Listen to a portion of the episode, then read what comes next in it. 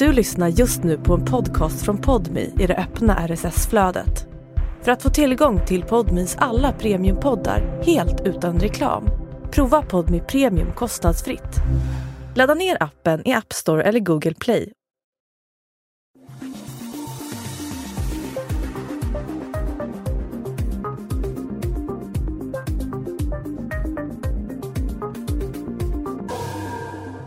Den 19 mars 2007 hörs höga röster i en korridor på Liljeholmen. Flera människor sticker ut sina huvuden för att se vad det är som händer. De ser två män argumentera och en av dem är fasthållen. Mannen i fråga sliter sig snart fri och går därifrån. Ingen stoppar honom. Men när den andra mannen försöker följa efter faller han ihop. Jackan förs åt sidan och plötsligt syns blod på hans tröja. Flera människor plockar fram sina telefoner och ringer 112.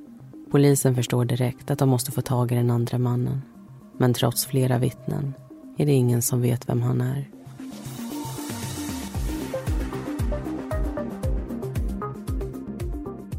Du lyssnar på Mordpodden.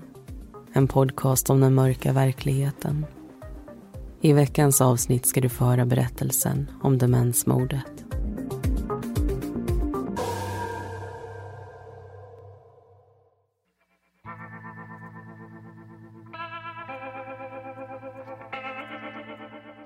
1966 föds en pojke som får namnet Thomas.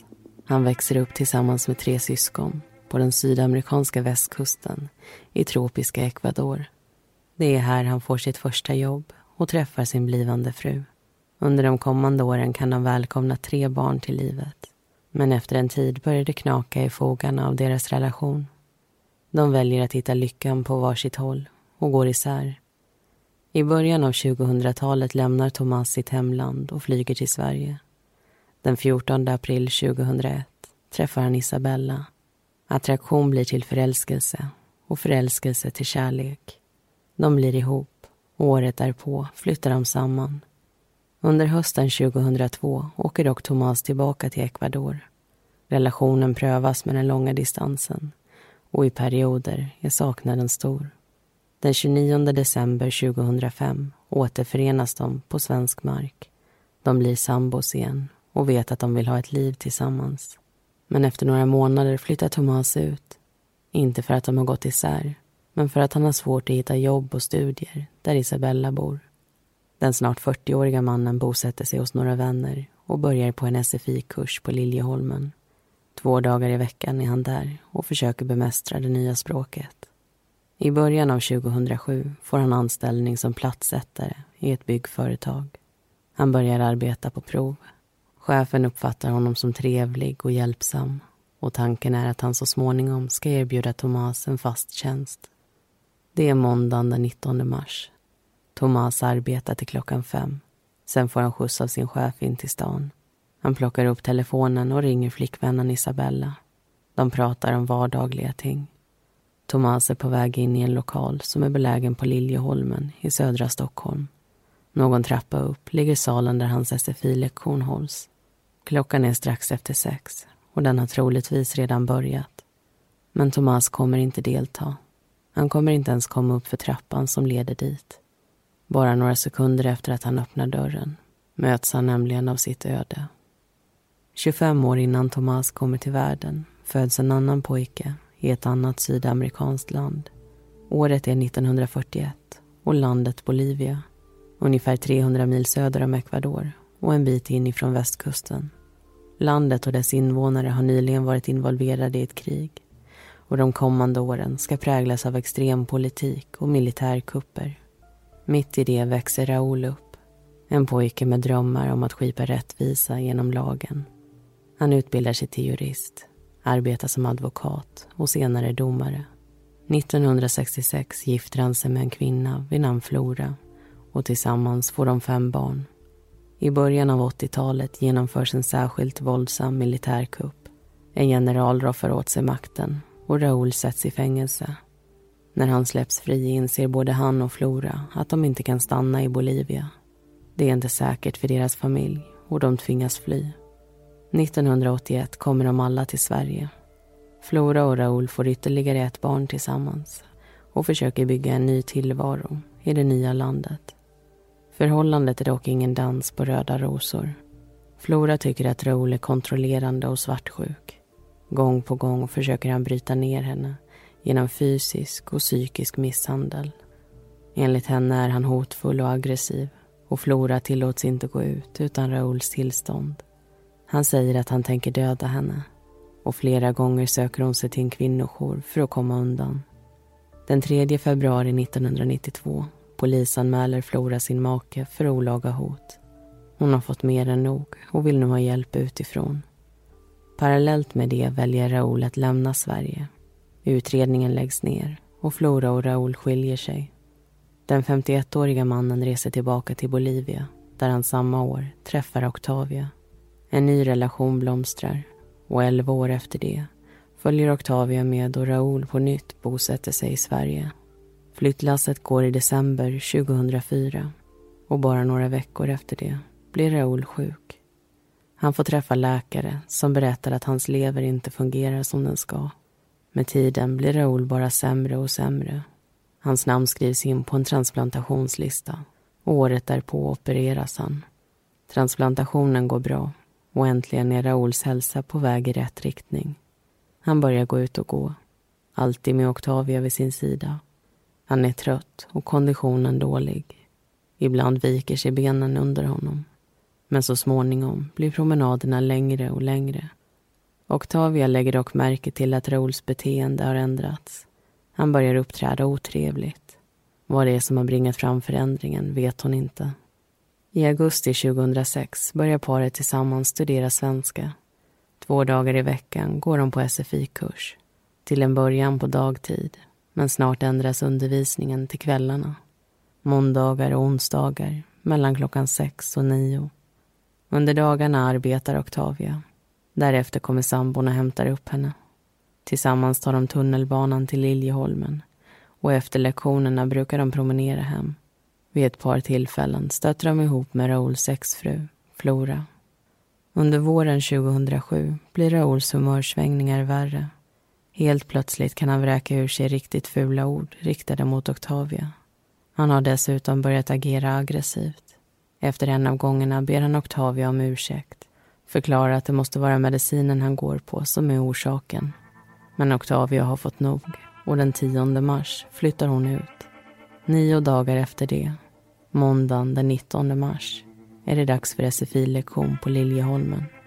Den här dagen kommer bli allt annat än vanlig.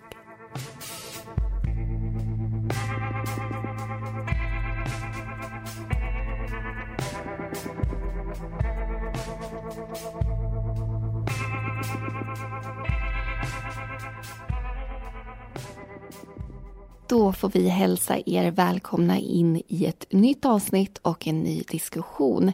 Det här är faktiskt vårt sista avsnitt för den här säsongen och vi ska passa på att nämna att vi efter det kommer ta ett litet uppehåll för att göra research.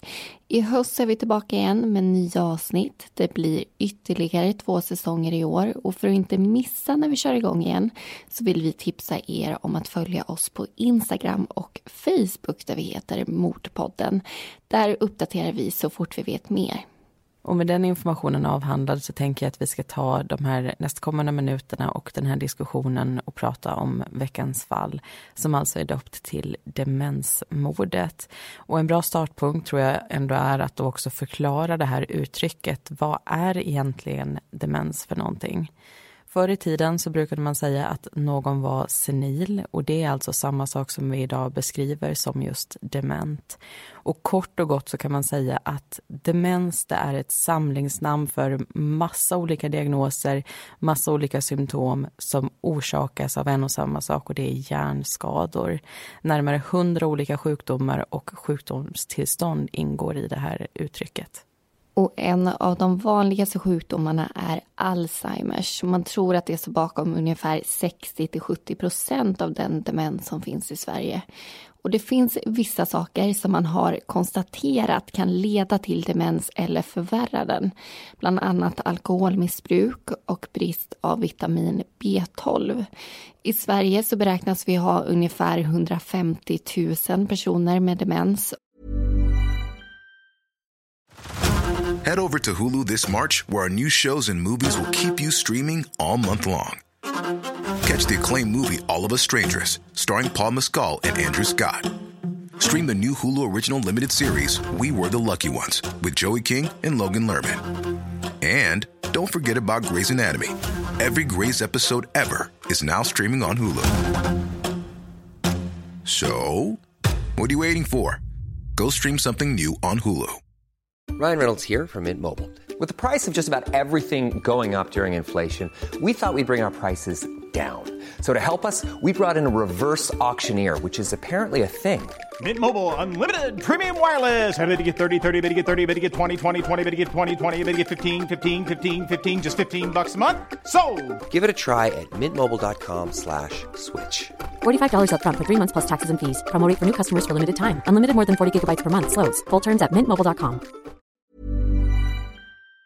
och varje år så insjuknar ungefär 25 000 nya. De flesta som drabbas är äldre. Bland 80-plussare så har ungefär var femte person demens. Och demens det är någonting som ofta kommer smygande under en längre tid och det är därför inte alltid så lätt att upptäcka den här sjukdomen i ett tidigt skede. För symptomen det kan ju vara sånt som man ser som felsägningar, lite virrighet, stress och mycket mer saker. Och eftersom demens också grundar sig i så många olika typer av sjukdomar så kan ju såklart symptomen vara skilda. Men ofta handlar det om att minnet försämras. Man kan ha svårt att uppfatta tid, orientering, situation, alltså vart man är, vad det är som händer runt omkring en och så vidare. Och det kan därmed bli svårt att planera saker och genomföra vardagliga sysslor och passa tider och så vidare. Och känslomässigt så kan man också förändras. Man kan bli orolig exempelvis och även nedstämd är vanligt.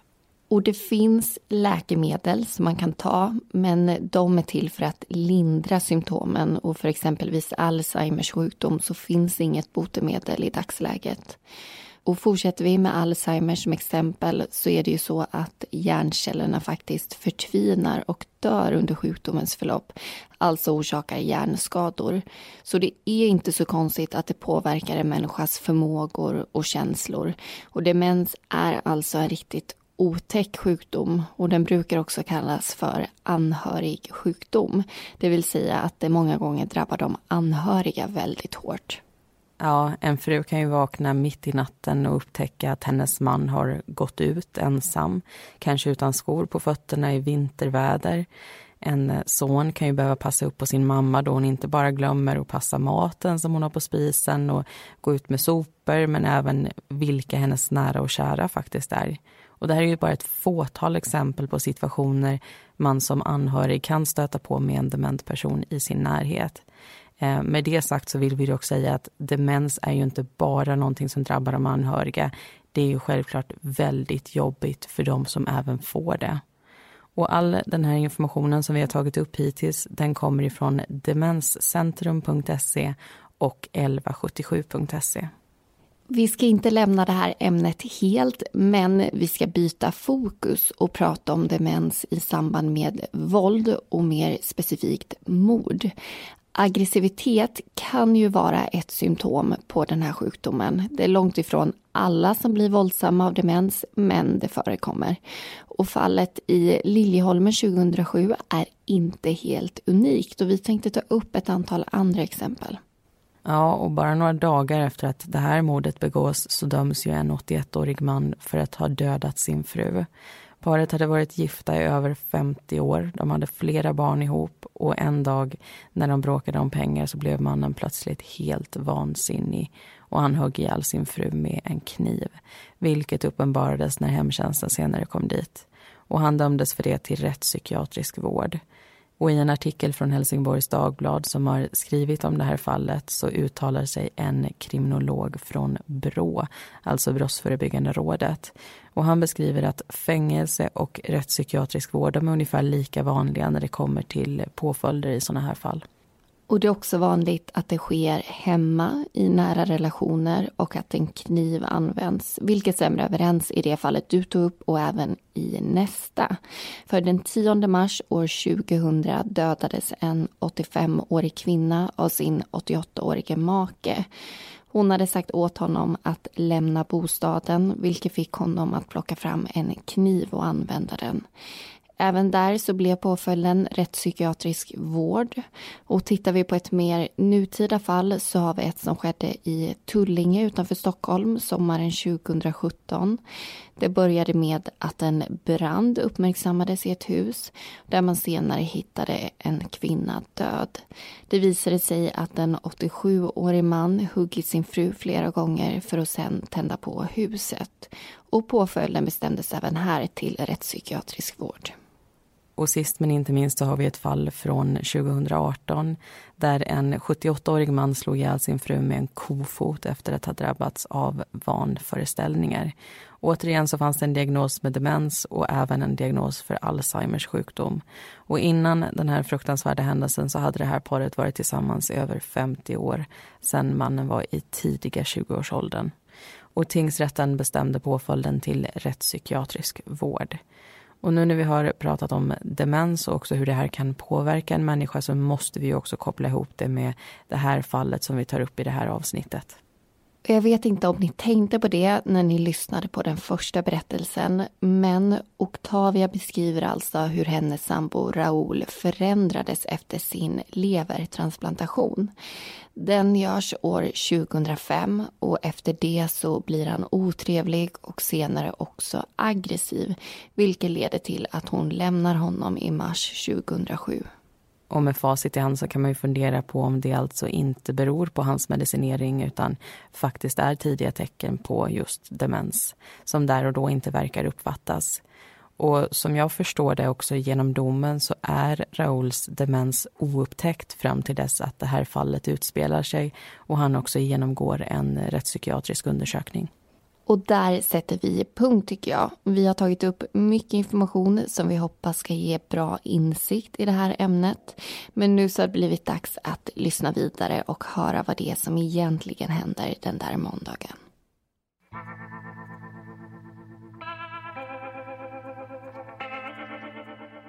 Under måndagskvällen är flera människor i rörelse på Liljeholmen.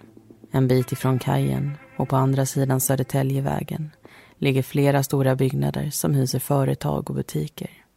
I en av dem finns flera gymnasier samt komvux och SFI.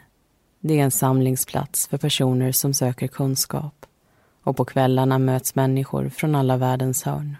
De kommer från olika länder med olika kulturer, med familj eller utan. Alla har en egen anledning till att de hamnat i just Sverige.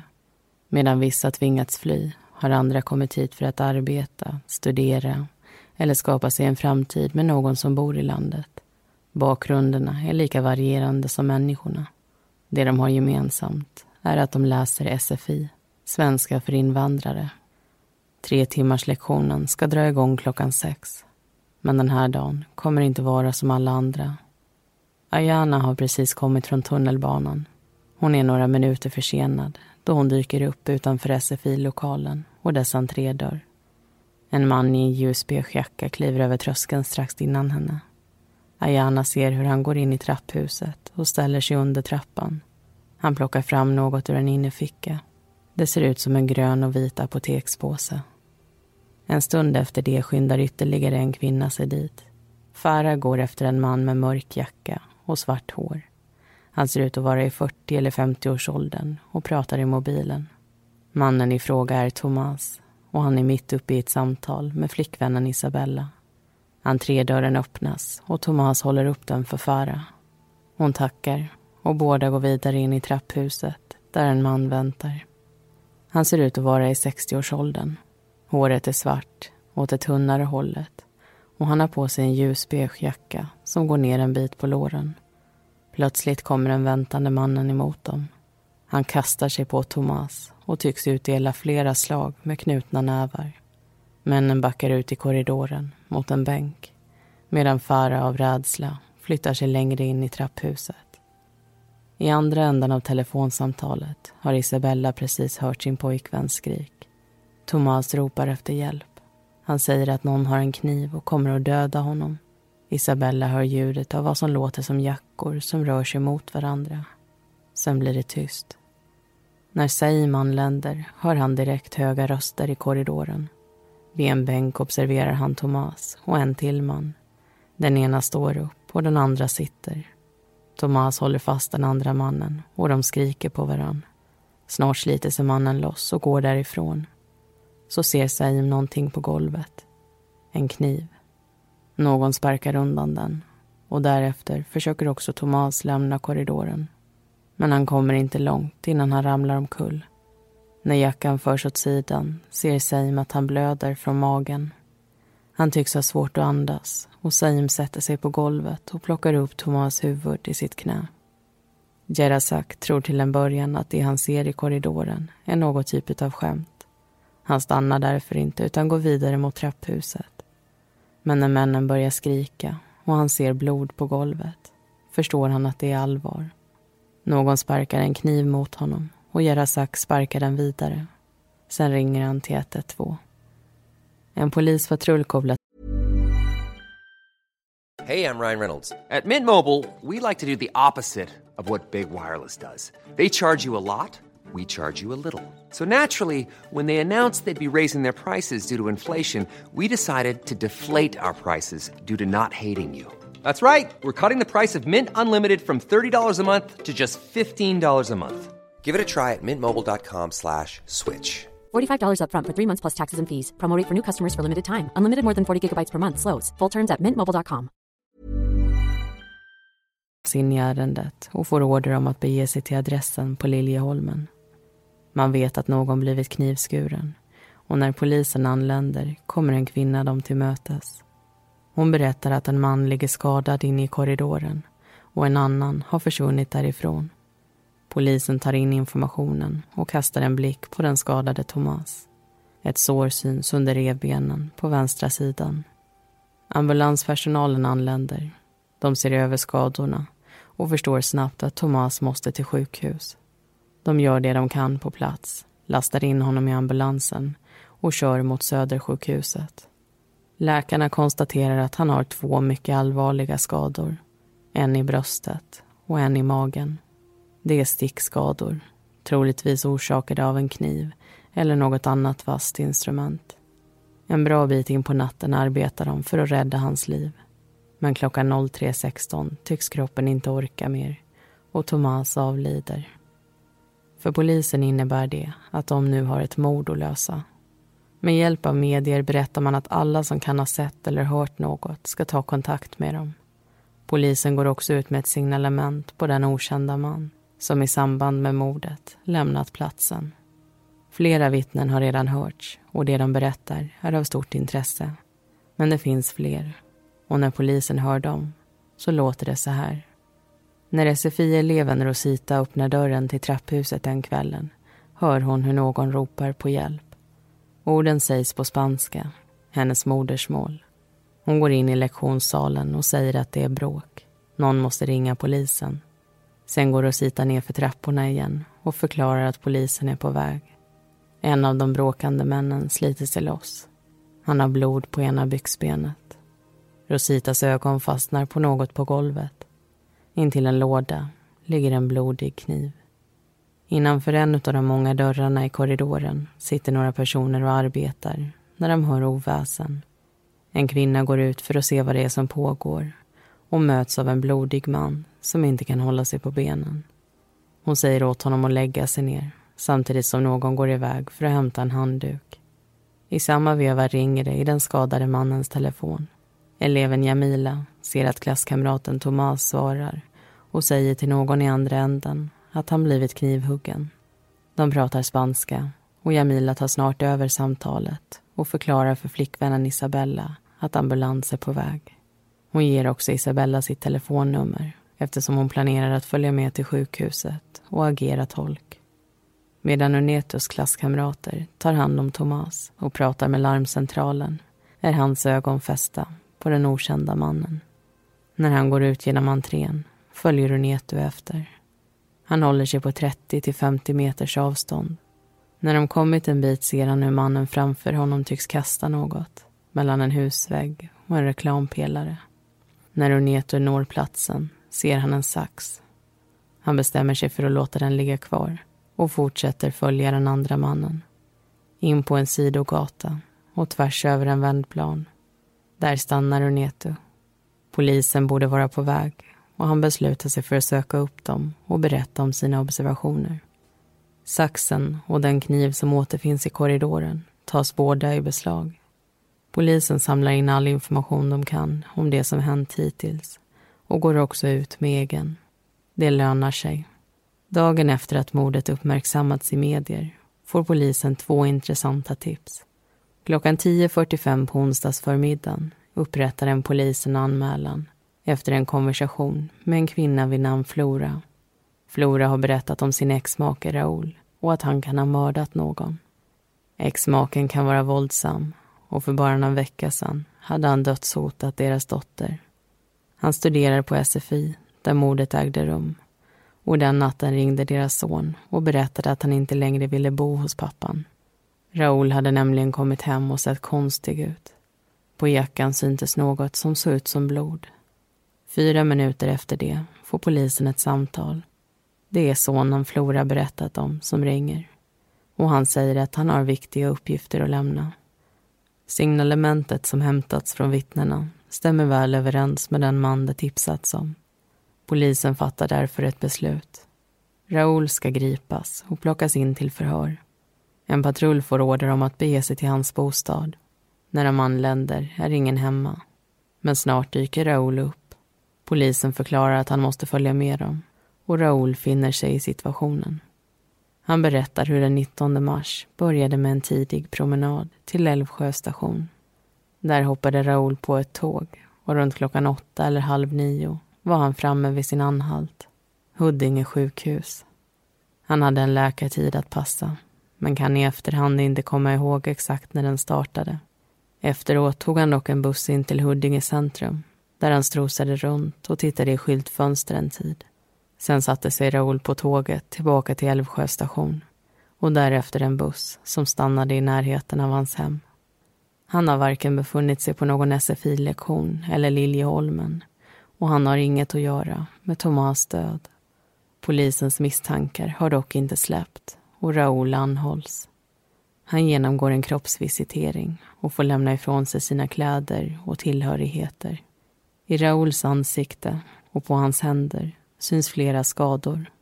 Den 66-åriga mannen menar att det är grenar som rispat honom. I hans fickor hittas någonting annat. Ett pass, ett tidningsurklipp om mordet och ett dokument som visar att han bokat en resa till Bolivia. En resa som avgår dagen därpå.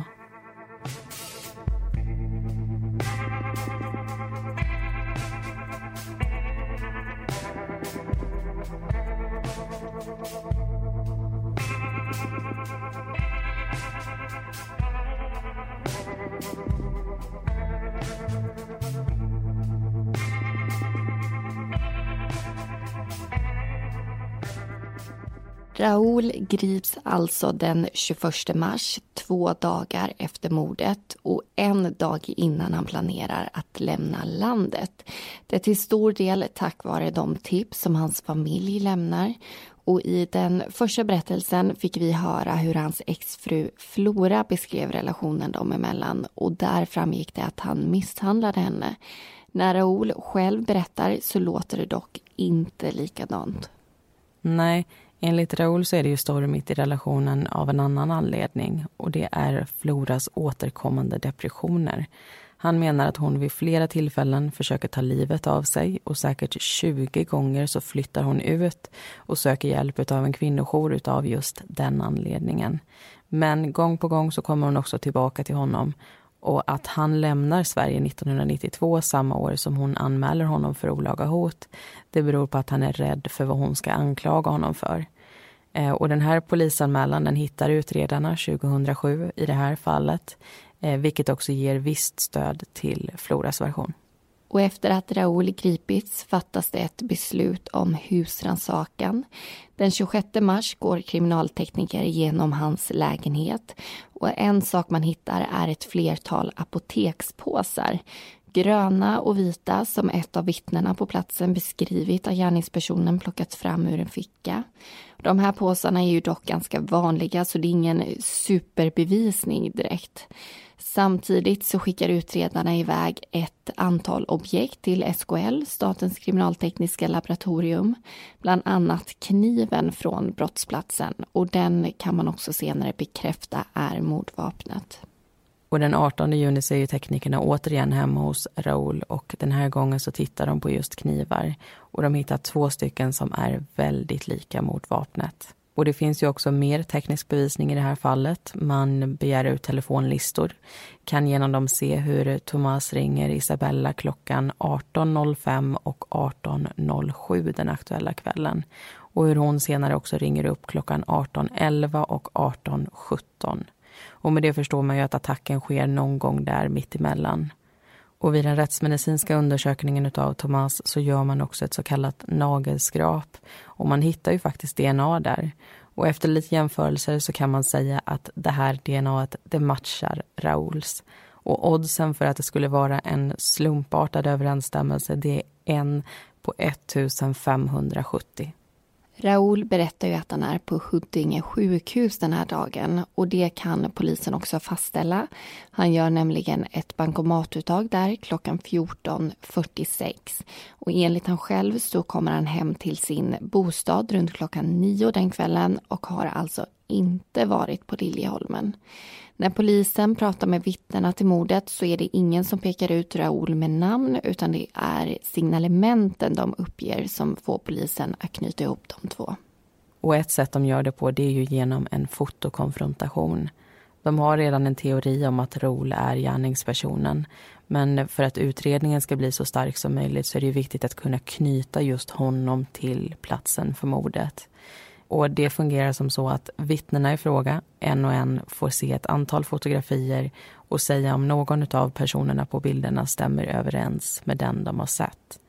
Och i det här fallet så är det minst sju personer som genomgår en sån konfrontation, alltså relativt många. Och tre av dem, de har inga problem att peka ut just Raoul. En ser ingen av personerna som stämmer överens med hennes minnesbild. En annan pekar ut fel person och två personer pekar på flera bilder. En pekar på två stycken bilder och den andra pekar på tre stycken bilder. Och båda de här har alltså med Raoul i sitt urval. Och just fotokonfrontationer är en relativt vanlig form av vittneskonfrontation i Sverige. Det finns ett antal regler som måste följas när man använder sig av den här typen av metod. Dels är det viktigt att bilderna presenteras i olika ordning för olika personer. Man ska också försöka dölja om det finns någonting som är särskilt utmärkande hos den här personen, till exempel en tatuering eller ett smycke och så vidare så att fokusen är på annat. Och helst av allt ska också den personen som lägger fram fotona inte själv veta vem som är den misstänkta. För att den inte på så vis då medvetet eller omedvetet ska påverka vittnet. Och det kommer göras ytterligare en fotokonfrontation senare när det här fallet tas upp i tingsrätten. Och vad man kommer fram till där ska vi lyfta i berättelsen som det är dags att hoppa tillbaka till nu.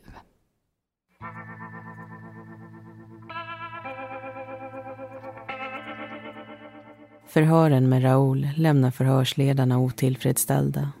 Den 66-åriga mannen håller fast vid att han inte befunnit sig på brottsplatsen den aktuella dagen. Samtidigt som flera vittnen säger sig ha sett just honom. Skadorna på hans ansikte och händer skulle mycket väl kunna vara från naglar. Men Raoul är lika orubblig där. Det kommer från trägrenar. Vid flera tillfällen säger han sig ha svårt att minnas vad det är som har hänt. Även om så kan vara fallet så används svaret lite väl ofta och tycks mer som en undanflykt. En anledning att inte berätta hur det verkligen har gått till. Allt tycks peka på att Raoul inte vill medverka i utredningen. Som misstänkt finns det inget krav för det och utredarna söker därför sina svar utanför förhörsrummet. En sak man lägger fokus på är en kartläggning. Sådana brukar vara riktigt användbara i förundersökningar och många gånger kan insikterna om koppling mellan offer och gärningsperson ge svar på frågor som motiv. Men inte den här gången. Hur mycket de än söker hittar de bara ett par saker som Raoul och Thomas har gemensamt. De kommer från samma kontinent, talar samma språk och studerar på samma kurs. Men de känner inte varann, har aldrig varit oense förut och har inga anledningar att ryka ihop så som de gjorde. I en paragraf 7-undersökning lägger en läkare dock märke till något. Istället för att skriva en bedömning om hur frisk Raoul verkar föreslås det att en större rättspsykiatrisk undersökning ska genomföras. Den 28 juni lämnar åklagaren in en stämningsansökan och i augusti tas fallet upp i tingsrätten. Trots att motivet inte gått att utröna är åklagaren säker på sin sak. Raoul är skyldig. Av någon anledning har han den där dagen plockat på sig en kniv och en sax begett sig till den byggnad där han studerat SFI väntat på att Thomas ska dyka upp och med ett antal hugg avslutat hans liv. Vittne efter vittne får kliva upp och berätta om det de sett, liksom Raoul själv och han och Thomas anhöriga. Det görs en ny fotokonfrontation med samma vittnen som sist. Elva fotografier i färg läggs fram och deras uppgift är att peka ut en person som i samband med mordet lämnat platsen. Det vittne som under den tidigare konfrontationen inte kunnat peka ut någon kan inte heller göra det den här gången. Två andra är lika säkra på sin sak som de varit tidigare. Deras finger landar på Raoul. Ett annat vittne, som tidigare pekat fel, hittar nu rätt. Raouls hår har blivit längre och skägget likaså. Men vittnet känner ändå igen honom. De två vittnena som under utredningen pekat ut flera personer pekar den här gången bara ut en, Raoul. Domarna anser att man med säkerhet kan säga att Thomas anlände till platsen några minuter efter klockan sex den kvällen. Att han och en annan man hamnade i bråk och att det under bråket föll en kniv till marken. Att någon av dem hållit i den är högst troligt och eftersom Thomas drabbas av våldet tyder det på den andra mannen. Den okända, men ändå inte särskilt okända mannen. Där och då må ingen känna igen honom, men genom vittneskonfrontationer försvinner tvivlet. Det kan inte ha varit någon annan än Raoul. Mordvapnet tycks ha kommit från hans kök och under offrets naglar finns hans DNA.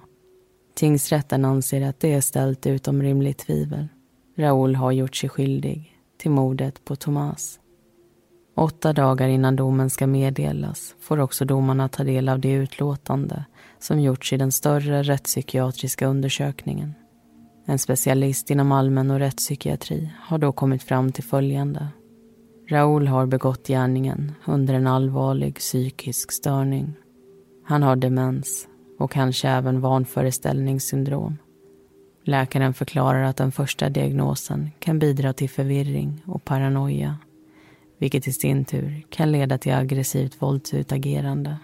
Därmed bör han inte dömas till fängelse. Domarna håller med och den 28 augusti 2007 meddelar de sin dom. Raoul döms för mord till rättspsykiatrisk vård med särskild utskrivningsprövning. Domen överklagas och under hösten tas fallet upp på nytt. Den här gången i Svea hovrätt. Raoul yrkar, precis som i tingsrätten, att han inte har gjort sig skyldig till mord. Att åtalet bör ogillas och han själv släppas fri. Han har också fört fram en del ändringar till hans berättelse i tingsrätten. Raoul minns inte längre besöket på Huddinge sjukhus. Att han gjort sig illa på några trädgrenar eller vad han gjorde den där kvällen. Han kan ha befunnit sig på brottsplatsen, men han minns helt enkelt inte. En sak är han dock säker på. Han har inte gjort Thomas illa. Återigen väger de många och detaljerade vittnesmålen tungt. Raoul pekas ut som den person Thomas bråkade med och den tekniska bevisningen stödjer det. Försvaret lägger särskild fokus på det faktum att ett av vittnena beskrivit att gärningspersonen haft mustasch. Något Raoul saknade. En teori läggs fram med en alternativ gärningsperson som attackerade Thomas och lämnade platsen innan Raoul dök upp. När Raoul kom dit försökte han hjälpa den skadade mannen som i sin förvirring misstog honom för sin angripare, höll fast och i ett försök att freda sig fick Raouls DNA under sina naglar. Under domarnas överläggning får dock den teorin inte någon större tilltro. Man når samma slutsats som tingsrätten. Raoul har gjort sig skyldig till mord. Att han lider av demens finns ingen anledning att misstro. Men vanföreställningssyndromet känns långsökt. Från vad man kunnat utröna om mordet så är det planerat. Inget plötsligt infall. Där och då tycks Raoul ha haft god orientering i både tid och rum. Han har agerat målmedvetet och med rationalitet. Under huvudförhandlingen kan inte samma sak sägas. Det är tydligt att han är sjuk och fängelse är ingen passande påföljd. Svea hovrätt fastställer därför tingsrättens dom och Raoul får avtjäna sitt straff på en rättspsykiatrisk avdelning.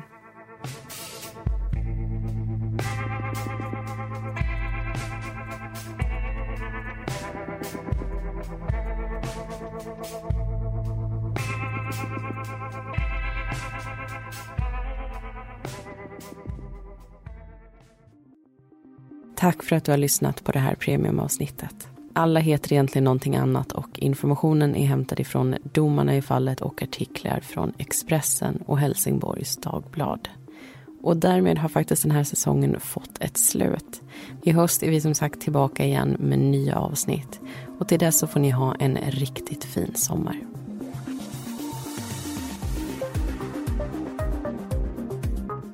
Vi som gör Mordpodden heter Linnea Bolin och Amanda Karlsson.